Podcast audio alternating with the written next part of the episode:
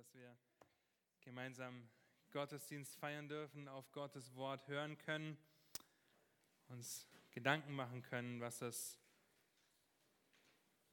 bedeutet, im Licht des Evangeliums zu wandeln. Und so lasst mich beten, bevor wir einsteigen. Lasst uns Gott um seine Gnade bitten. Treuer Gott und Vater, habt du Dank dafür, dass wir vor dich treten dürfen, dass wir dich anflehen dürfen, dass du sprichst, o oh Herr. Dass wir dich anflehen dürfen, dass wir nicht im Rat der Gottlosen wandeln, dass wir wissen dürfen, dass du der Fels des Heils bist, dass du uns birgst, weil du unser Hort bist, unser Schutz, unser Schild. Und so bete ich, dass du Gnade schenkst, wenn wir dein Wort betrachten dass du Gnade schenkst, wenn wir vielleicht überführt werden, ermutigt werden, ermahnt werden. Herr, dass das nicht in dieser nächsten Stunde alles vergessen wird oder in den nächsten Stunden nach dem Gottesdienst, sondern dass wir darüber nachdenken, was du getan hast, wer du bist und was das für uns für Konsequenzen hat. So gib du Gnade zum Reden, gib du Gnade zum Hören. Schenk du demütige Herzen, die bereitwillig das aufnehmen, was dein Wort sagt, Herr. Amen. Amen. Der Sommer liegt quasi hinter uns, es wird kälter und den Sommer haben wir uns intensiv, falls ihr euch erinnert, mit der Frage beschäftigt, wer bin ich? An fünf Sonntagen haben wir betrachtet, dass wir ein Geschöpf sind, dass wir Wahrheiten der Schriften auf uns anwenden können, wer wir in Christus sind. Falls ihr euch erinnert, haben wir über die Rechtfertigung die Adoption und Neuschöpfung gesprochen. Und wenn ich euch nach 2. Korinther 5, Vers 17 bis 21 frage, dann springt ihr alle auf und könnt ihn auswendig. Wahrscheinlich müsst ihr euch das weiterhin vor Augen führen, so wie ich auch. Nun, wir haben dann auch geschaut, was es bedeutet, ein Botschafter und ein Heiliger zu sein. Wir haben uns angeschaut, was die Bibel in Bezug auf einen Gläubigen als wahr und unabdingbar aufzeigt. Und in den letzten Wochen ging es um wunderbar, wunderbare Wahrheiten der Schrift die nur die Schrift so uns vor Augen halten könnte. Vor drei Wochen, Dieter predigt über Markus 3, die wahre Familie Christi, ihr erinnert euch, hat uns aufgezeigt, wer die Brüder und Schwestern Christi sind, Jesu sind. Wir ermutigen diese Wahrheiten in Christus auch auf uns zutreffen, wenn wir gläubig sind, wenn wir durch Gottes Gnade sagen dürfen, Fels des Heils. Christus hat uns errettet. Vor zwei Wochen hat Dieter einen Ausflug zu 1. Korinther 6, Vers 11 gemacht, uns gezeigt, dass solche etliche von uns gewesen sind. Dieser Vers geht weiter mit einem Aber, einem wunderbaren Aber. Ihr seid abgewaschen, ihr seid geheiligt, ihr seid gerechtfertigt worden in dem Namen des Herrn Jesus und in dem Geist unseres Gottes. Eine externe Quelle, die uns abgewaschen, geheiligt und gerechtfertigt hat. Wir sind das gewesen, jetzt eine neue Schöpfung, ohne unsere Fähigkeit, irgendetwas zu diesen drei Punkten aus eigener Kraft hinzuzufügen oder ansatzweise selbst zu arbeiten. Letzte Woche die sehr ermutigende Einsetzung von unserem Bruder Thomas zum Ältesten, der Daniel uns 2. Korinther 4 vor Augen gehalten hat. Die starke Botschaft, das Evangelium, die Lehre Christi, das Wort Gottes, im Kontrast zu dem schwachen Botschafter. Daniel hat uns so schön aufgezeigt, dass es nicht um uns geht, sondern um Gottes Wort, um die Verkündigung von Gottes Wort.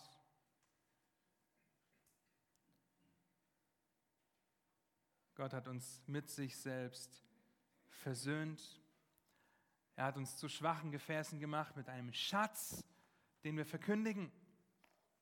Und so möchte ich euch mit hineinnehmen in den nächsten Sonntagen, in denen ich das Vorrecht habe zu predigen. Das wird jetzt nicht die nächsten vier, fünf Wochen am Stück sein, sondern ab und zu, wenn ich das Vorrecht habe zu predigen, eine Serie zu beginnen, die sich auf die Indikative,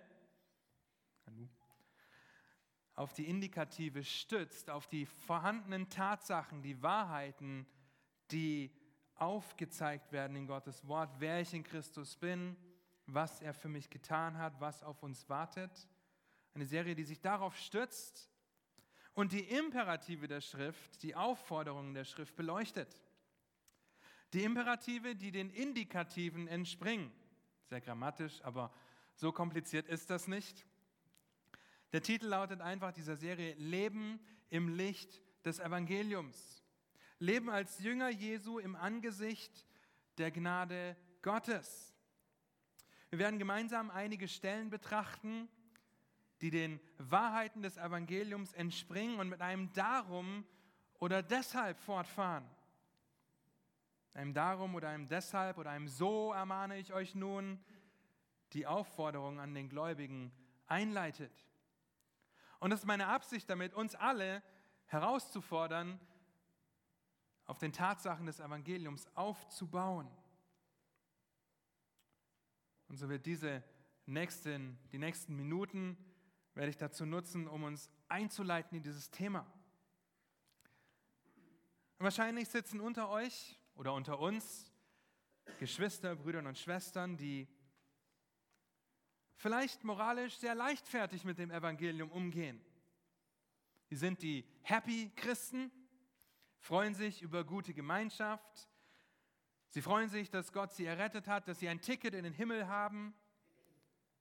Aber die Auswirkungen des Evangeliums nehmen sie nicht so ernst und führen ein eher lässiges Leben. Auf der anderen Seite sitzen unter uns vielleicht Geschwister, die moralisch sehr bedrückt mit dem Evangelium umgehen. Ja, Gott hat mich errettet, aber jetzt muss ich alles daran setzen, errettet zu bleiben. Geschwister, die sich jede Sekunde, jede Minute die Frage stellen, worüber soll ich mich denn freuen? Sollte ich mich lieber nicht noch in einem anderen Bereich meines Lebens schuldig fühlen? Ich habe das immer noch nicht gemeistert, ich kann das immer noch nicht, ich muss dies und das tun. Und sie führen ein eher verzwungenes Leben. Und wenn wir darüber nachdenken, Leben im Licht des Evangeliums, was das für uns bedeutet, dann brauchen beide Seiten das Evangelium. Beide Seiten müssen lernen, im Licht des Evangeliums zu wandeln und nicht im Licht ihrer eigenen Selbstgerechtigkeit. Der eher Leichtsinnige muss erkennen, dass er ein Sünder ist, der fehlt und dass Sünde eine ernste Angelegenheit ist. Er muss in einem, seinem Verständnis der Aufforderung Gottes wachsen und erkennen, dass er alles daran setzen sollte, ein guter Botschafter Christi zu sein, das auszuwirken, was Gott in ihm gewirkt hat. Der bedrückte, niedergeschlagene Christ denkt, er muss das alles selbst erreichen, muss erkennen, dass er ein Sünder ist und fehlt, so wie der leichtsinnige Christ auch. Er muss in seinem Verständnis seiner neuen Wesensart in Christus wachsen und nicht in seinem Selbstmitleid, im Murren oder Bedenken zunehmen. Oh, ich kann das nicht. Andere, ja, ich kann alles tun, was ich will. Nein. Beide brauchen das Evangelium. Vielleicht findest du dich auf einer dieser beiden Seiten wieder. Da möchte ich dich ermutigen, zu Gott zu flehen, dass er dich entweder darin demütigt, was dein leichtfertiges Leben und deine Selbstliebe mit deinem Zeugnis macht und dir vor Augen hält, wer er ist, was er getan hat und was das für Auswirkungen auf dein Leben haben sollte, oder dass du zu Gott flehst und ihn bittest, dass er dich demütigt, was deine Selbstgerechtigkeit und deine Selbstverachtung mit deinem Zeugnis machst, dass du eher zur Gesetzlichkeit tendierst. Leben im Licht des Evangeliums ist keines dieser beiden Leben, die ich euch gerade skizziert habe.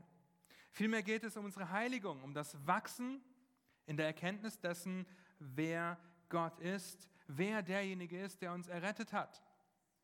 Und es war so ermutigend, heute in der Gebetsstunde einfach hier zu sitzen und den Gebeten aus dem zweiten Thessalonicher Brief zuzuhören und das zu hören, was Daniel auch gesagt hat, was es bedeutet, Glauben zu haben, was es bedeutet, würdig zu wandeln, nämlich dass Gott uns zunächst würdig für würdig erachtet hat und dass er das forthin tut. Das war der Werbeblock für die Gebetsstunde. Ja, bitte erscheint. Es passt so oft wunderbar zur Predigt, es passt so gut zusammen, ist so ermutigend, das zu sehen, wie Gott auch da wirkt und Gnade schenkt, nicht abgesprochen über irgendwelche Dinge zu reden, die sich so ähneln. Es geht um das Wachsen der Erkenntnis dessen, wer wir im Licht des Evangeliums, im Licht des Kreuzes waren, um das Wachsen der Erkenntnis dessen, wer wir im Licht des Evangeliums sind. Es geht um das Wachsen der Erkenntnis dessen, wer wir im Licht des Evangeliums oder wie wir im Licht des Evangeliums wandeln sollen. Und der Westminster Katechismus, die kurze Version davon, beantwortet die Frage der Heiligung folgendermaßen. Zitat, Heiligung ist die Arbeit der freien Gnade Gottes, durch die wir in unserem ganzen Wesen in das Bild Gottes umgestaltet werden und mehr und mehr in der Lage sind, der Sünde zu sterben, der Gerechtigkeit aber zu leben. Zitat Ende. Selbst unsere Heiligung kommt nicht aus, von uns, aus eigener Kraft. Selbst unsere Heiligung kommt nicht aus der eigenen Kraft, die uns sagt, wir können das alles selber schaffen. Auf der anderen Seite tendierst du vielleicht dazu zu sagen, ja, meine Heiligung kommt eh nicht aus mir, was soll ich denn dann tun? Nein, die Heiligung befähigt uns oder in der Heiligung befähigt uns Gott durch seine Gnade, der Sünde mehr und mehr zu sterben, aktiv zu sein. Heiligung kommt von Gott und überträgt uns eine Verantwortung. Zum Beispiel in Philippa 2, Vers 13, da heißt es, denn Gott ist es, der in euch sowohl das Wollen als auch das Vollbringen wirkt nach seinem Wohlgefallen. Oder eben, wie heute Morgen wollte ich fast sagen, wie vorhin gehört, ja, 2. Thessalonicher 1, Vers 11 und 12. Da heißt es, deshalb beten wir auch alle Zeit für euch, dass unser Gott euch würdiger achte der Berufung und dass er alles Wohlgefallen an der Güte und das Werk des Glaubens in Kraft vollende das alles kommt von Gott. Warum? Vers 12. Damit der Name unseres Herrn Jesus in euch verherrlicht werde und ihr in ihm nach der Gnade unseres Gottes und des Herrn Jesus Christus. Es kommt von Gott und dennoch werden wir aufgefordert, etwas zu tun, das auszuwirken. Epheser 4, Vers 23 und 24 heißt es, dagegen, vorher geht es um den alten Leib oder das würdige Wandeln, um das äh, der Berufung willen, dagegen erneuert werdet im Geist eurer Gesinnung und den neuen Menschen angezogen habt, der Gott entsprechend geschaffen ist in wahrhafter Gerechtigkeit und Heiligkeit. Wir wurden überkleidet mit dem neuen Menschen. Erinnert euch, wir sind eine neue Schöpfung. Das Alte ist vergangen. Es ist alles neu geworden. Oder 2. Korinther 7, Vers 1. Weil wir nun diese Verheißung haben, Geliebte, so werden wir uns reinigen von aller Befleckung des Fleisches und des Geistes zur Vollendung der Heiligkeit in Gottes Furcht. Die Verheißung haben wir in Christus. In Christus werden wir dazu befähigt, zu wachsen. In Christus werden wir aufgefordert, das umzusetzen, was er in uns wirkt. Und so können wir daran arbeiten, durch die Gnade Gottes. Und das sind nur ein paar Stellen, die das bestätigen. Ja, dass Gott das wirkt und dass wir dennoch jetzt in der Lage sind, auch etwas zu tun. Leben im Licht des Evangeliums. Im Licht des Evangeliums zu leben, weil wir Christen sind. Und deshalb möchte ich uns heute drei Aussagen vor Augen führen, die uns auf die Bibelstellen vorbereiten sollen, die wir uns gemeinsam anschauen wollen, die uns im Licht des Evangeliums auffordern, auch würdig des Evangeliums zu wandeln. Drei Aussagen, die uns aufzeigen, nicht damit, sondern weil. Drei Aussagen, die dir und mir dabei helfen sollen, die Balance zwischen dem zu halten, wer wir in Christus sind und was wir deshalb aufgrund dessen tun. Denn wenn du dich zu sehr auf die Befehle der Schrift konzentrierst, auf die Gesetze, die Christus, die Apostel, die im Alten Testament stehen, dann kann es sein, dass du zur Gesetzlichkeit tendierst. Hier ist eine Liste mit fünf Punkten, die du umsetzen musst, die du abarbeiten musst, um besser zu werden, um geheiligt zu werden, um dein Leben vielleicht die, auf die Reihe zu kriegen. Nun wirklich? Auf der anderen Seite wenn du dich zu sehr auf deine Befreiung konzentrierst, auf die Gnade, die doch alles gewirkt hat, die so toll ist, die mich jetzt frei gemacht hat, alles zu tun und zu lassen, was ich möchte, kann es sein, dass du zu leichtfertigen Sünden tendierst. Weil dir die Befehle der Schrift, die Aufforderungen der Schrift nicht so wichtig sind. Gott macht das schon, er wirkt das in mir, er wird das vollenden, er hat es in der Hand, er vollbringt ja alles. Was soll ich schon noch dazu tun? Beide Seiten sind richtig wichtig, sind wichtig für unser Verständnis, die richtige Balance zu haben. Eine Fünf-Punkte-Liste kann hilfreich sein. Wenn du dir dessen bewusst bist, werde ich dazu befähigt, diese Liste auch abzuarbeiten, beziehungsweise daran zu arbeiten, darin zu wachsen, in der Abhängigkeit von Christus. Die Gnade Gottes sich vor Augen zu halten, wenn wir mit Sünde kämpfen, kann gut und richtig sein, dass wir nicht zu Tode betrübt sind. Wir sollen betrübt sein, aber wir sollen auf das Kreuz blicken, auf die Vergebung in Christus. Beide Seiten sind wichtig. Wenn sie in der richtigen Balance betrachtet werden, ergeben sie deine und meine von Gott gewirkte und von mir ausgewirkte Heiligung. Und deshalb lasst uns diese drei Aussagen betrachten, die uns aufzeigen, was es heißt, im Licht des Evangeliums zu wandeln. Nicht damit, sondern weil. Und theoretisch habe ich das auf der Präsentation. Der Klicker funktioniert, jawohl. Erstens, ich habe euch nur die Hauptpunkte, dass ihr das aufschreiben könnt. Erstens, die erste Aussage, ich lebe nicht im Licht des Evangeliums, damit ich gerettet werde. Ihr könnt in Klammern dahinter schreiben, damit ich gerettet bleibe, sondern weil ich errettet bin. Ich lebe nicht im Licht des Evangeliums, damit ich gerettet werde oder damit ich gerettet bleibe, sondern weil ich errettet bin. Und mit dieser Aussage wird von Anfang an schon sehr deutlich, zu wem ich heute Nachmittag hier spreche. Wenn du heute hier sitzt und nicht glaubst, dass Christus für deine Sünden am Kreuz sterben und am dritten Tag auferstehen musste, wenn du heute hier sitzt und nicht glaubst, dass du ein Sünder bist, der die Herrlichkeit Gottes bei weitem verfehlt und auf seine Gnade angewiesen ist, wenn du heute hier sitzt und nicht glaubst, dass du durch Christus und durch Christus allein gerechtfertigt vor Gott stehen kannst, wenn du heute hier sitzt und nicht glaubst, dass Christus dein Leben und Sterben dein Gewinn ist, dann sind die folgenden Punkte und eigentlich die ganze Serie nicht für dich. Ja, vielleicht sind sie Hilfsmittel für ein moralisch tolles Leben, aber sie sind nicht für dich in dem Sinn, dass sie für dich ein Hilfsmittel sind, für dich Gottes Wort sind, das dir aufzeigt, Gott die Ehre zu geben, denn das ist unmöglich für dich. Sie sind keine Hilfsmittel für dich, um zu Gott zu kommen oder ihm zu gefallen. Unmöglich. Moralisch tolle Ratschläge, ja, die du vielleicht umsetzen kannst, ja, für eine gewisse Zeit.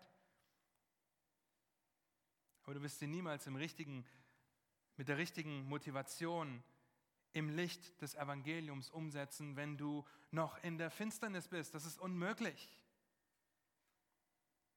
Deshalb möchtest du diese Serie auf dich anwenden, dann tue Buße, geh auf die Knie, glaube dem Evangelium, komme in das Licht des Evangeliums.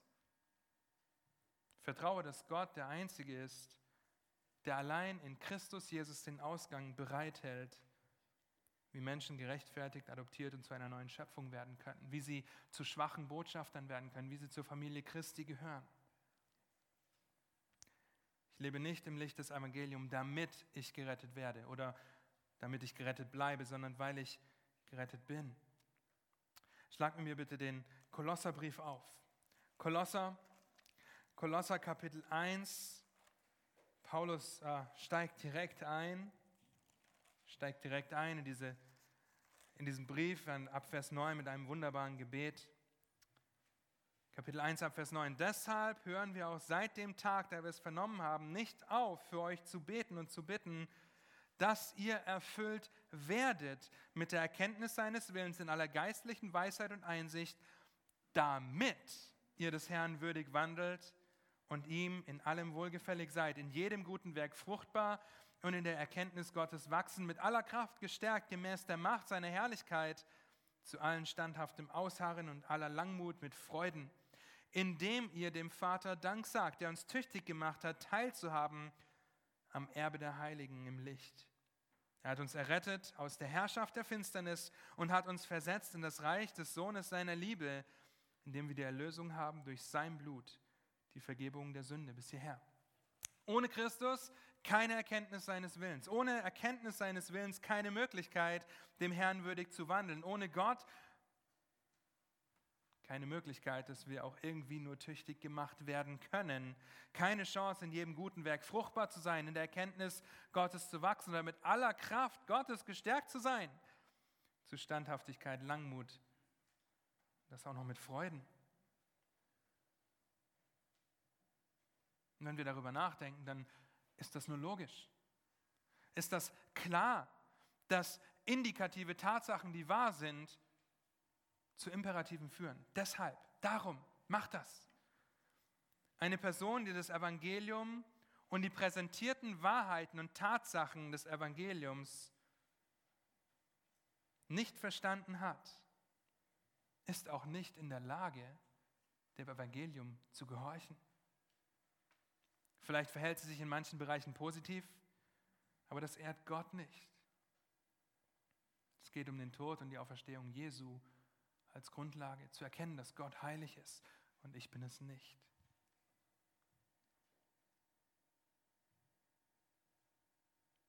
Im Licht des Evangeliums zu wandeln, weil wir gerettet sind, ist die Konsequenz dessen, wer wir in Christus sind, was Gott für uns getan hat, unverdiente Gunst, Gnade, die er uns hat zuteil werden lassen. Und das sollte uns mit Freude erfüllen. Das sollte uns mit Freude erfüllen, wenn wir betrübt über unsere Sünde sind. Es sind nicht meine Werke, die mich retten. Gott sei Dank.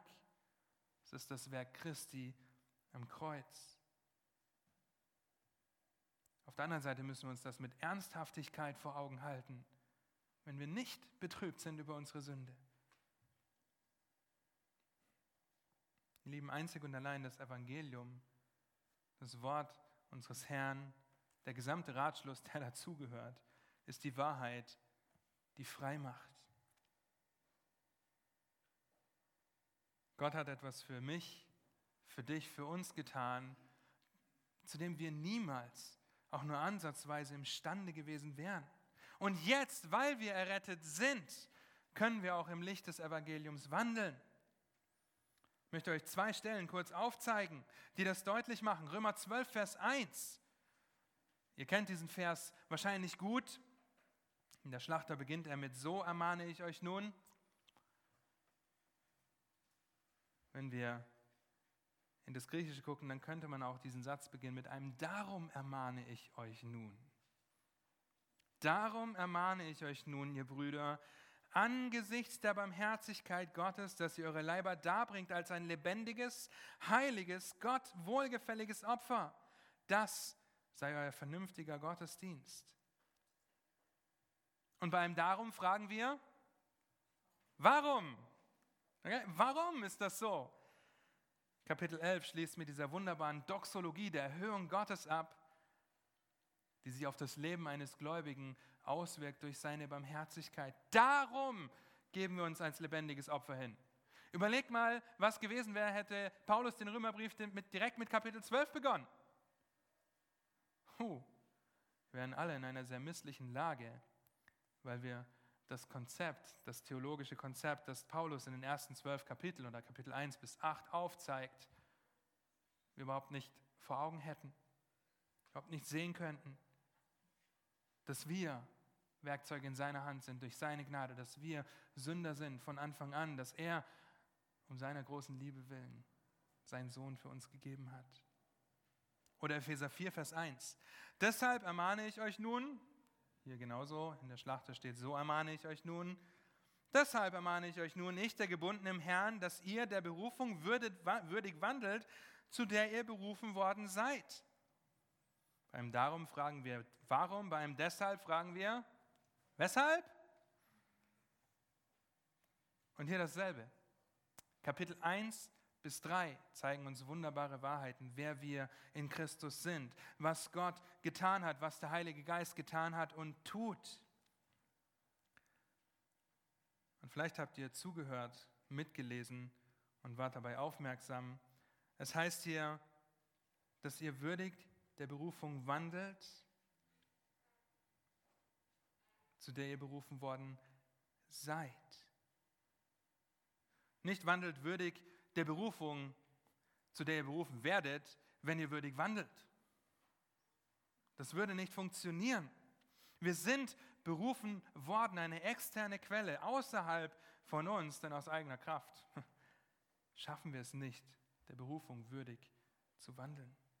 Ich lebe nicht im Licht des Evangeliums, damit ich gerettet werde oder damit ich gerettet bleibe, sondern weil ich errettet bin. Zweitens, ich lebe nicht im Licht des Evangeliums, damit ich Gott etwas beweise, sondern weil ich echten Glauben habe. Ich habe keinen Grund, Gott etwas zu beweisen. Ihr alle kennt ein Pendel, das von rechts nach links schlägt. Und dieses Pendel ist immer nur für einen kleinen Moment genau in der Mitte, bevor es auf die andere Seite ausschlägt. Ausgewogenheit dessen, wer ich in Christus bin und was ich deshalb tue, schaffen wir niemals perfekt.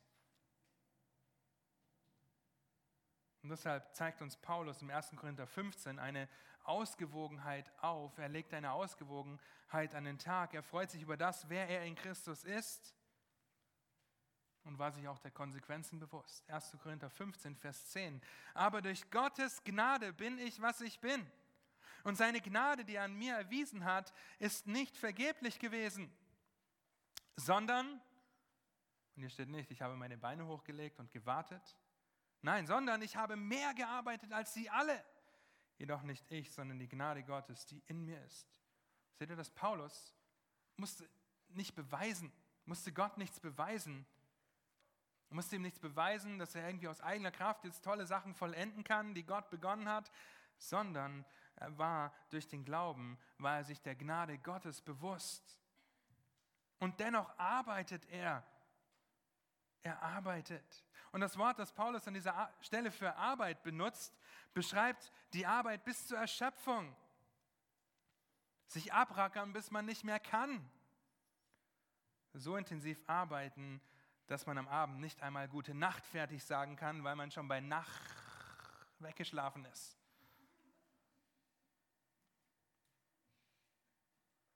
Paulus hat alles gegeben, wenn es um seinen Lauf ging, den er vollenden wollte. Er hat alles gegeben, aber niemals, um Gott etwas zu beweisen oder um zu vollenden, was Gott begonnen hat, sondern weil Gott das begonnen hat, weil Gott das vollenden wird und weil das Konsequenzen hat für mich, der ich jetzt ein Sklave der Gerechtigkeit bin und nicht mehr ein Sklave der Sünde. Durch Gottes Gnade bin ich, was ich bin. Christus war sein Leben, Sterben war sein Gewinn.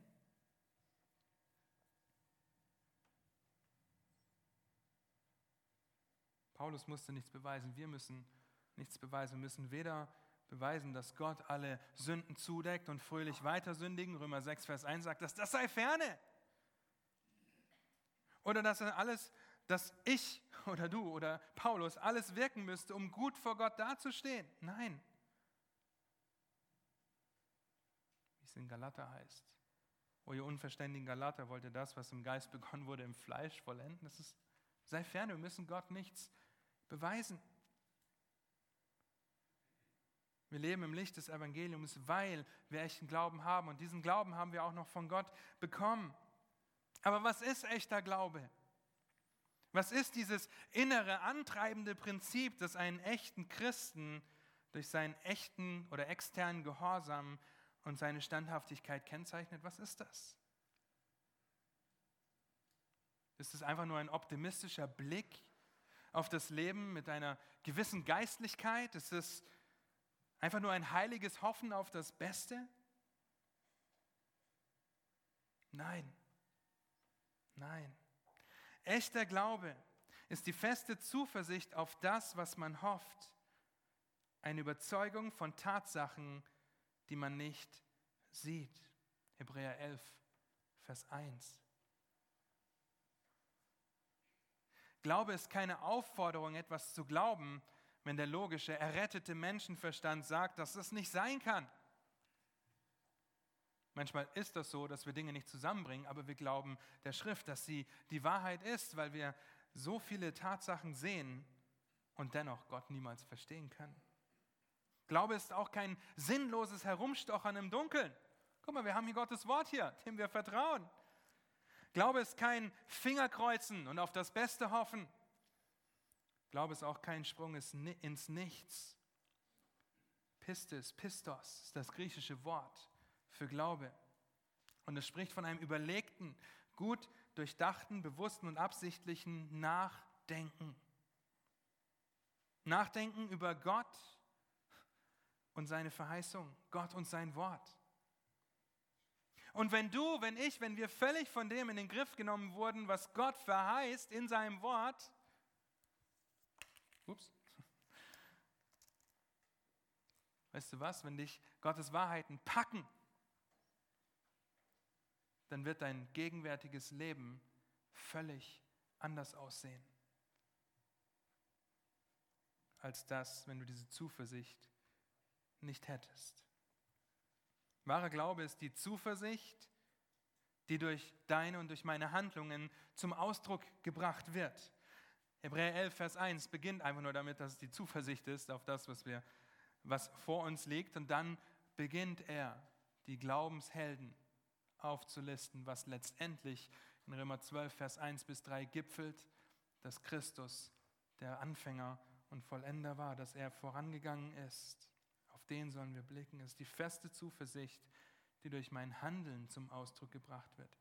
Echter Glaube bedeutet nicht einfach nur an Gott zu glauben, sondern bedeutet Gott zu glauben.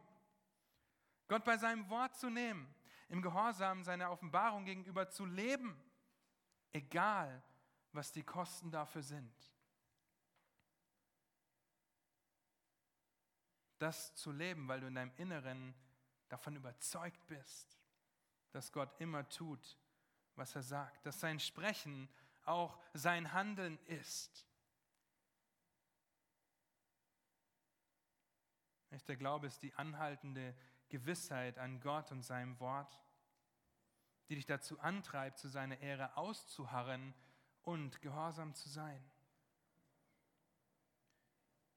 Und jetzt eine grundlegende Frage oder mehrere Fragen, die eigentlich alle dasselbe aussagen.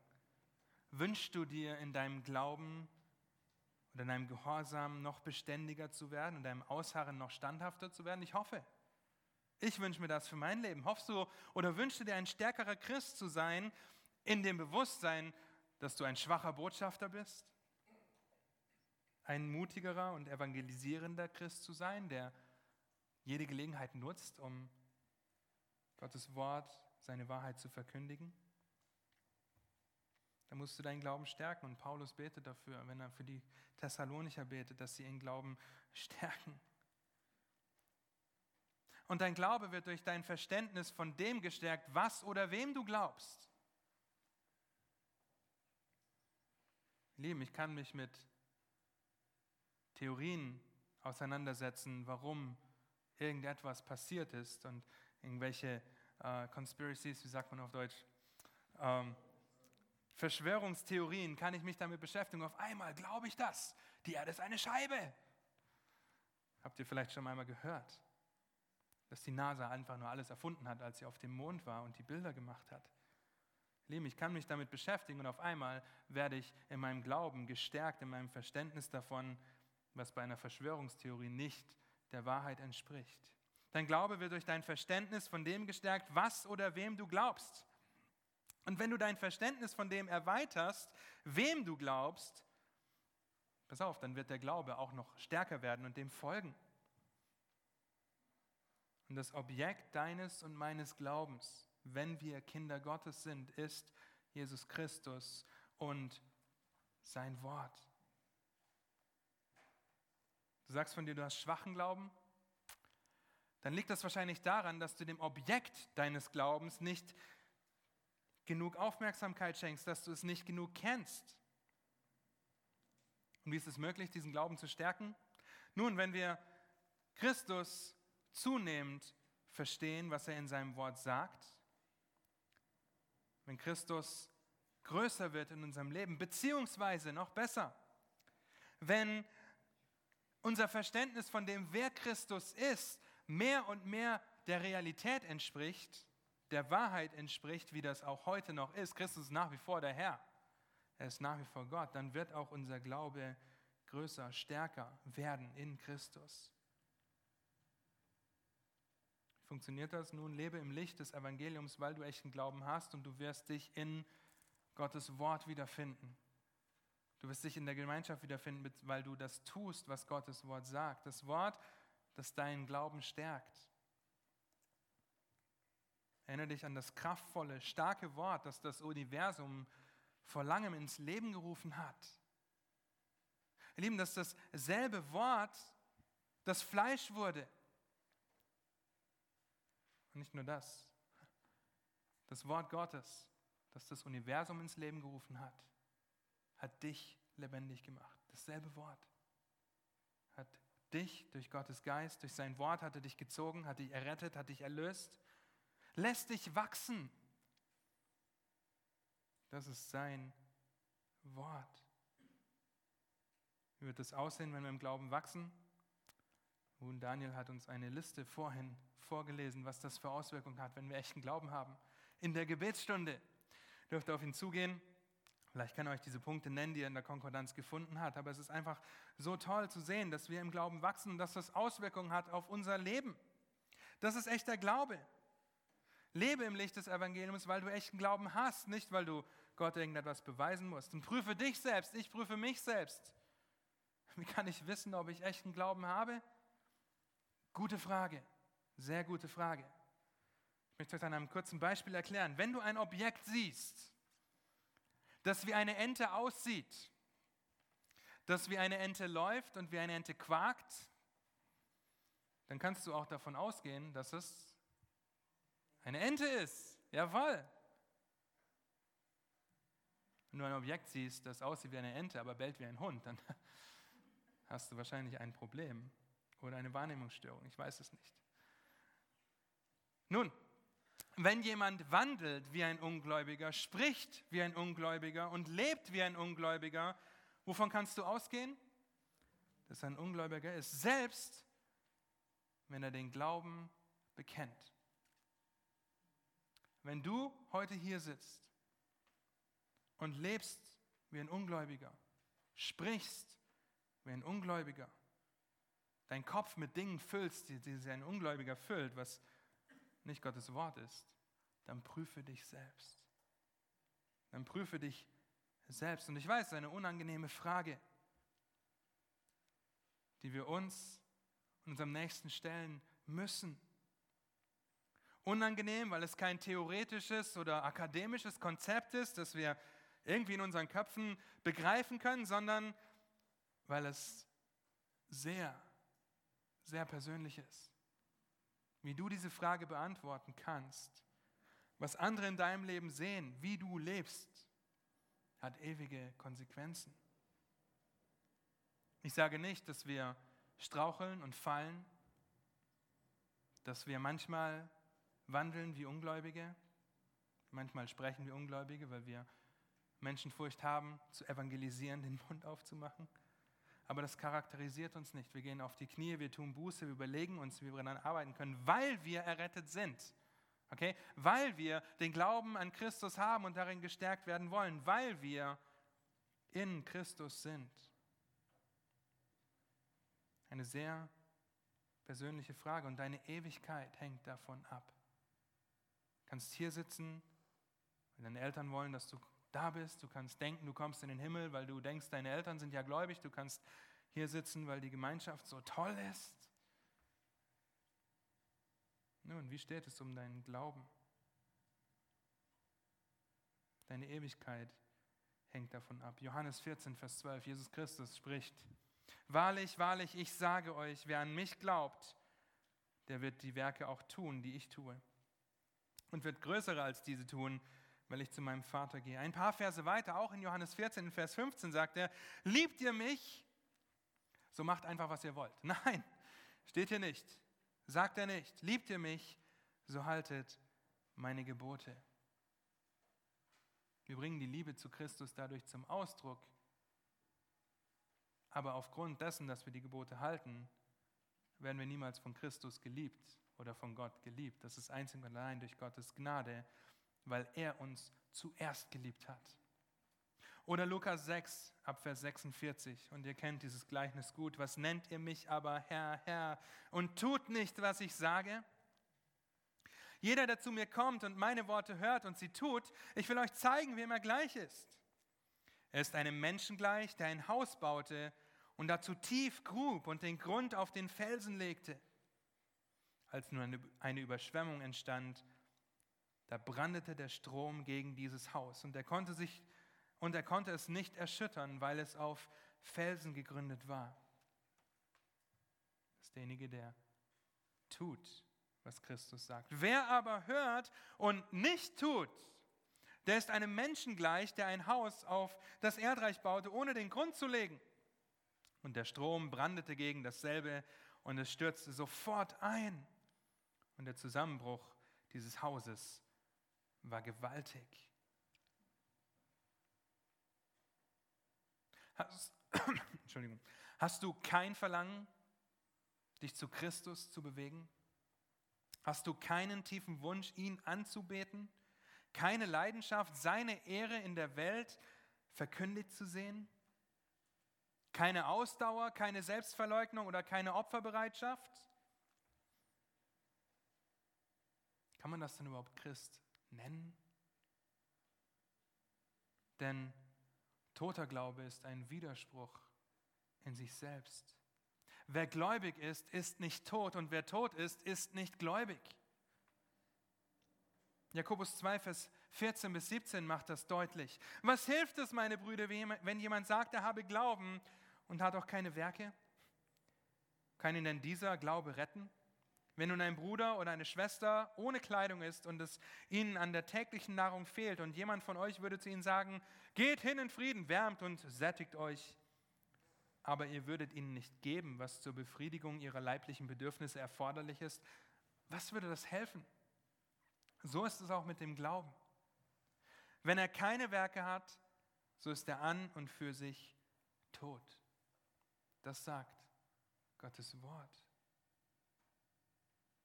Siehst du, du musst Gott in dem Sinne nichts beweisen, dass du dich geistlich auf die faule Haut legen kannst, wie zum Beispiel die Thessalonicher, die sich hingesetzt haben auf dem Berg, nicht mehr gearbeitet haben und einfach gesagt haben, Gott kommt sowieso bald, darauf warten wir jetzt. Nein, Paulus muss sie ermahnen, muss sie auffordern, würdig ihrer Berufung zu wandeln.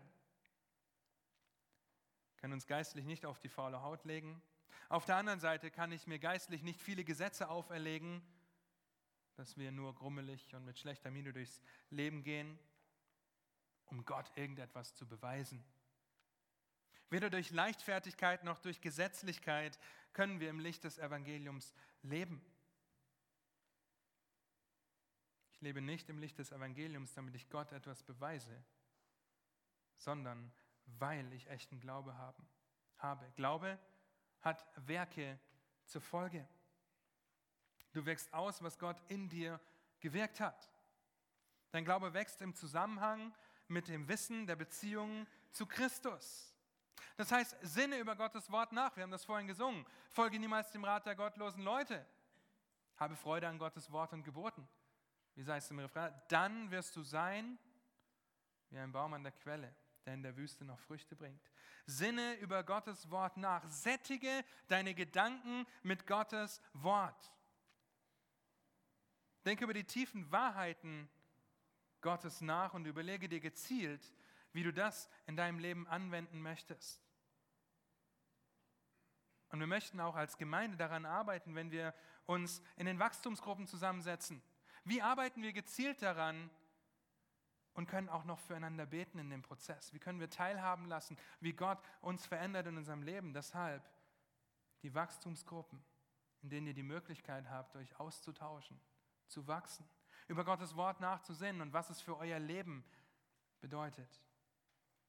Sinn über Gottes Wort nach, was es mit deinem Leben zu tun hat. Und betrachte Gott in seinem Wort. Schau dir an, wer er ist, was er tut, wie er wirkt. Vor allem in Zeiten des Leids konzentriere dich auf Gott. Psalm 73 haben wir vorhin gelesen. Warum geht es den anderen so gut?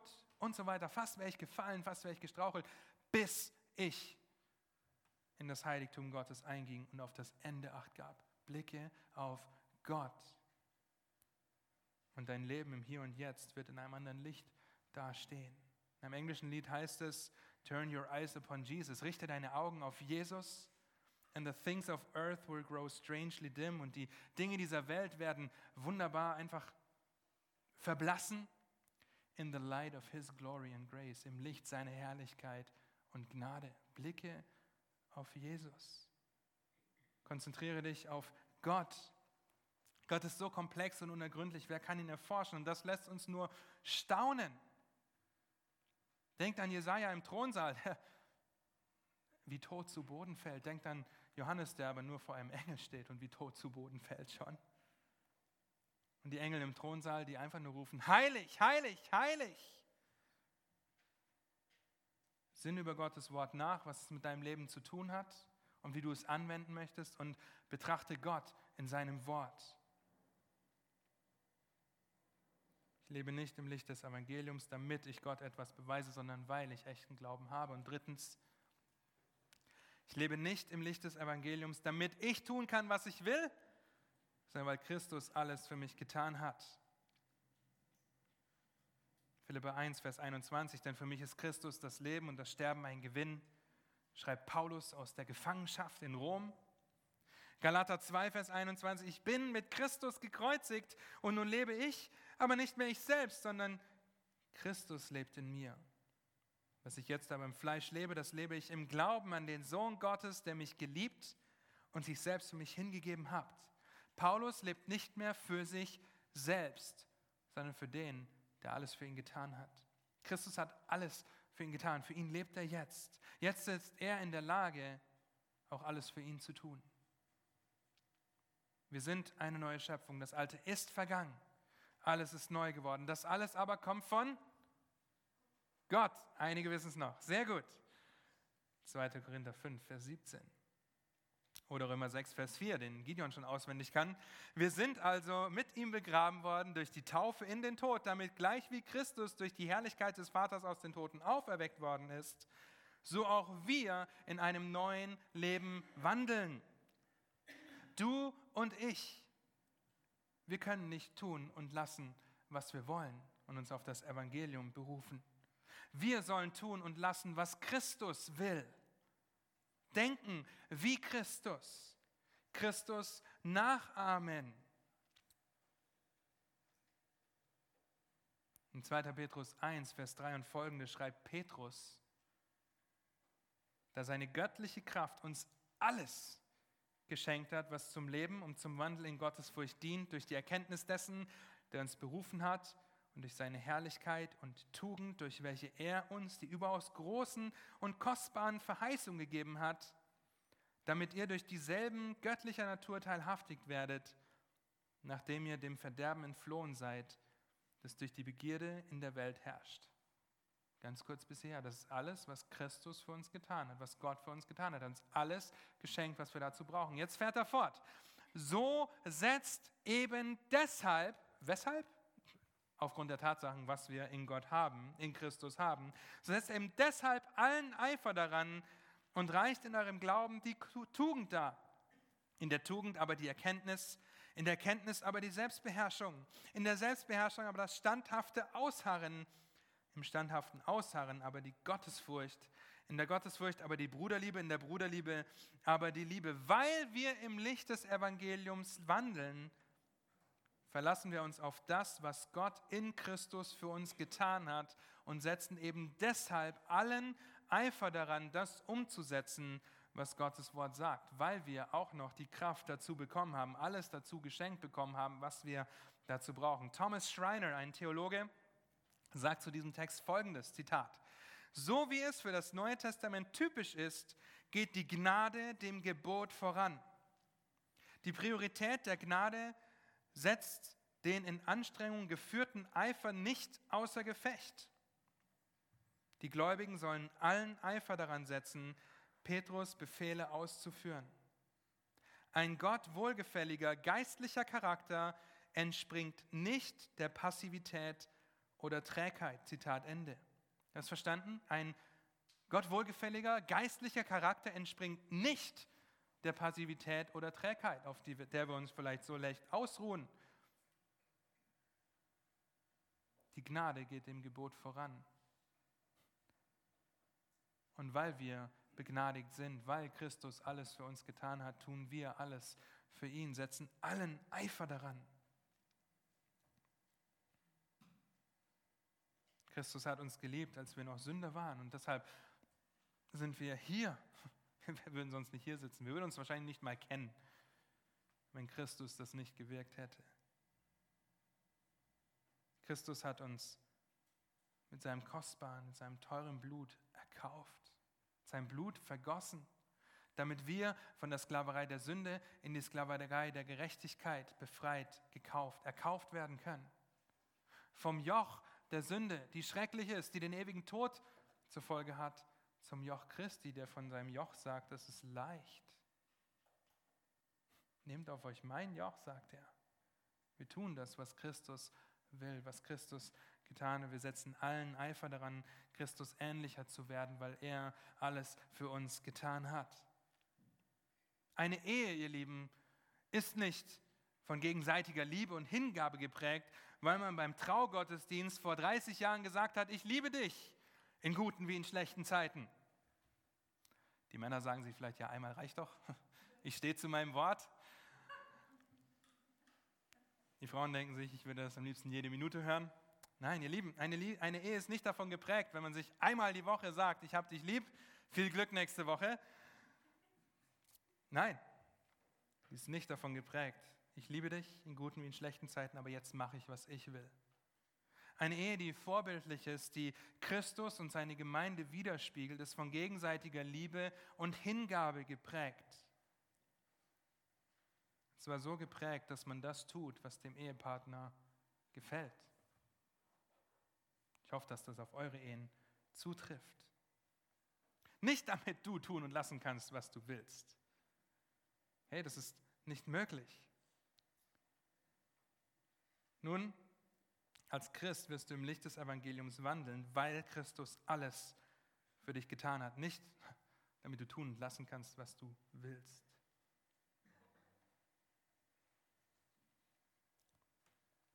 Und das ist eine Spannung. Eine Spannung, in der wir stehen zwischen Indikativen und Imperativen. Und wir dürfen lernen, die Balance zu halten. Es geht nicht um entweder oder, sondern beides zusammen. Das Evangelium ist weder eine Einladung zur Leichtfertigkeit noch zur Gesetzlichkeit. Es ist die wunderbare Wahrheit, dass Gott, der Schöpfer dieses Universums, in seiner unendlichen Gnade einen Retter geschenkt hat. Christus, Jesus, seinen eigenen Sohn, damit jeder, der an ihn glaubt, nicht verloren geht, sondern ewiges Leben hat. Und wenn ich mir dieser Gnade bewusst bin, dann möchte ich meinem Herrn, meinem Gott, die Ehre geben. Lass mich diese Spannung, indikative, imperative, anhand einer Geige erklären.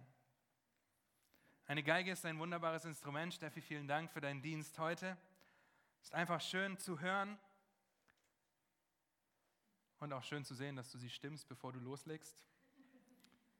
Ist ein wunderbares Instrument. Ihr würdet mir alle zustimmen. Wundervolle Melodien, ganze Symphonien wurden für die Geige geschrieben und sie erfreuen das Herz. Wenn, wenn die Seite richtig gestimmt ist oder alle vier Seiten richtig gestimmt sind. Wenn sie nicht genug gespannt sind, dann hängen sie durch. Und es kommt nichts dabei heraus. Wenn du nicht spielen würdest heute, könnten wir das demonstrieren, aber das wäre zu kompliziert. Es würde nichts dabei herauskommen. Auf der anderen Seite, wenn sie überspannt ist, dann kommt auch nichts dabei heraus. Dann reißt sie irgendwann. Und einer Symphonie mit einer falsch gestimmten Geige will keiner zuhören. wenn du dich nur auf die Indikative verlässt und konzentrierst, dann wird dein Leben wahrscheinlich nachlässig sein in Bezug auf dein geistliches Leben. Es wird durchhängen. Wenn du dich nur auf die Imperative konzentrierst, dann wirst du so angespannt sein, weil du ständig, ah, ich darf jetzt nicht sündigen. Damit ist das schon vorbei, weil du hochmütig bist. Genauso wie der Leichtfertige. Aber du wirst angespannt sein, ständig, bis du reist.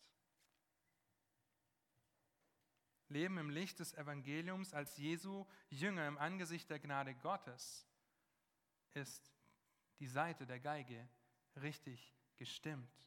Damit eine wunderbare Melodie für Gott, den Schöpfer, dabei herauskommt. Eine wunderbare Melodie, die ihm die Ehre gibt, weil sie die Balance zwischen dem, wer wir in Christus sind und das, was wir aufgrund dessen tun, hält. Nicht damit, sondern weil. Ich lebe nicht im Licht des Evangeliums, damit ich gerettet werde oder bleibe, sondern weil ich gerettet bin. Ich lebe nicht im Licht des Evangeliums, damit ich Gott etwas beweise, sondern weil ich echten Glauben habe.